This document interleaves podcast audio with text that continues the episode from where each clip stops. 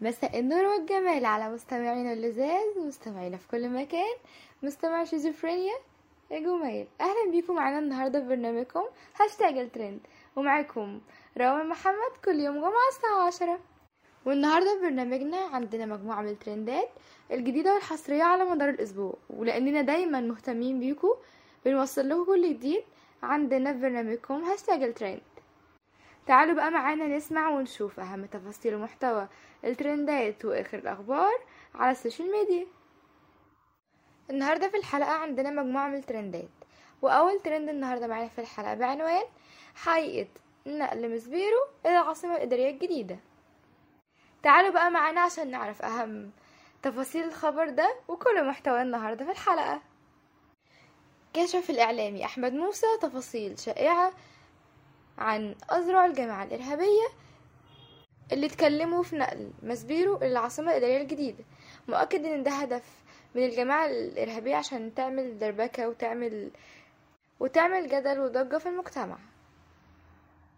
وتابع كمان الإعلامي أحمد موسى خلال تقديم برنامج على مسؤوليتي على قناة سادة البلد إن عدد مو...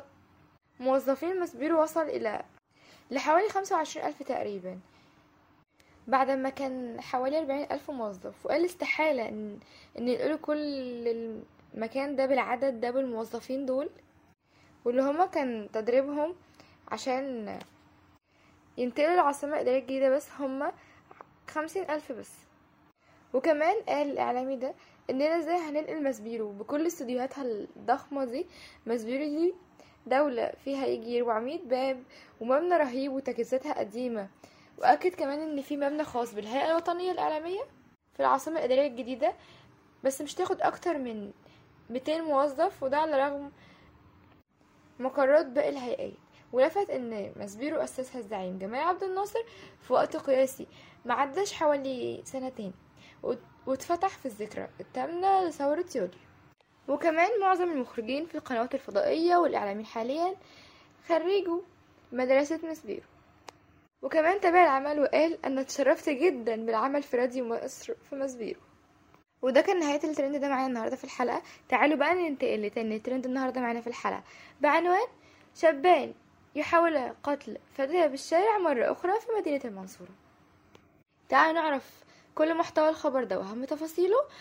قدم الشابين على محاولة قتل بنت في أحد شوارع المنصورة وللأسف اتنقلت لمستشفى المنصورة بالطوارئ في حالة حرجة. ولكن أهلها الحمد لله عرفوا إن هما يقبضوا على حد منهم والتاني هرب. وتلقى اللواء مروان حبيب مدير أمن الدقهلية. اختار من اللواء محمد عبد الهادي مدير الدقهلية بيفيد إن في بلاغ اتقدم لمأمور اسم تاني بالمنصورة. إن الشابين دول حاولوا يقتلوا البنت في المنصورة في سوق الدراسات من شارع الجيش ونقلوا الفتاة للمستشفى بحالة حرجة. واتنقل الضباط المباحث بقيادات الأمنية لمكان البلاغ. وكمان عرفوا إن الشابين دول كانوا عايزين يقتلوا في العشرين من عم... بنت في العشرينيات من عمرها. وللأسف إن هي عندها إصابة في رقبتها ولكن الحمد لله ما زالت على قيد الحياة واتنقلت المستشفى بحالة حرجة. وأهلها الحمد لله عرفوا كمان يمسكوا أحد المتهمين في القضية دي. وأكد كل الشهود إن البنت كانت ماشية في, في الشارع عادي جدا وهاجمها الولاد دول. والحمد لله قامت تاني مسكوه وطردهم عدد كبير من الشباب عشان يسلموه للشرطة.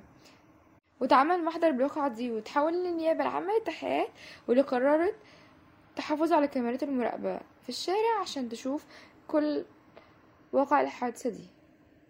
وده كانت نهاية الترند ده معانا النهاردة في الحلقة. تعالوا بقى يلا ننتقل لتالت ترند النهاردة معانا في الحلقة. بعنوان إعلان رحيل شادي حسين وهل سوف ينتقل للأهلي أم لا؟ تعالوا نعرف كل حقيقة الخبر ده وأهم تفاصيل النهاردة في حلقتنا.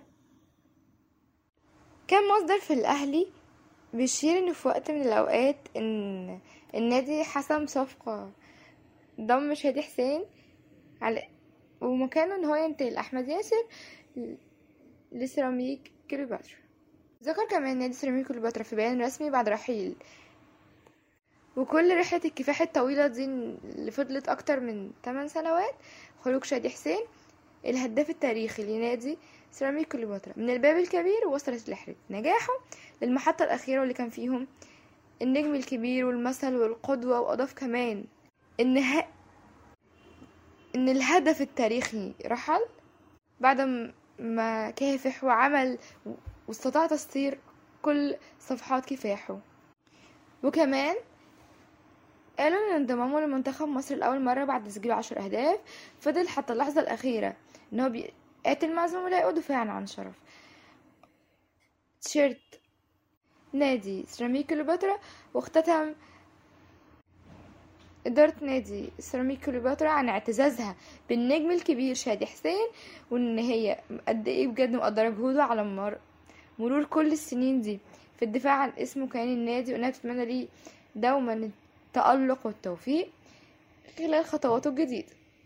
وكمان أعلنت كمان عن أملها في است- في استمرار تألقه مع منتخب مصر تحت قيادة راوي فيكتوريا. ودي كانت نهاية حلقتنا النهاردة. أتمنى تعجبكم الحلقة وأتمنى لكم يوم لطيف. كانت معكم روان محمد.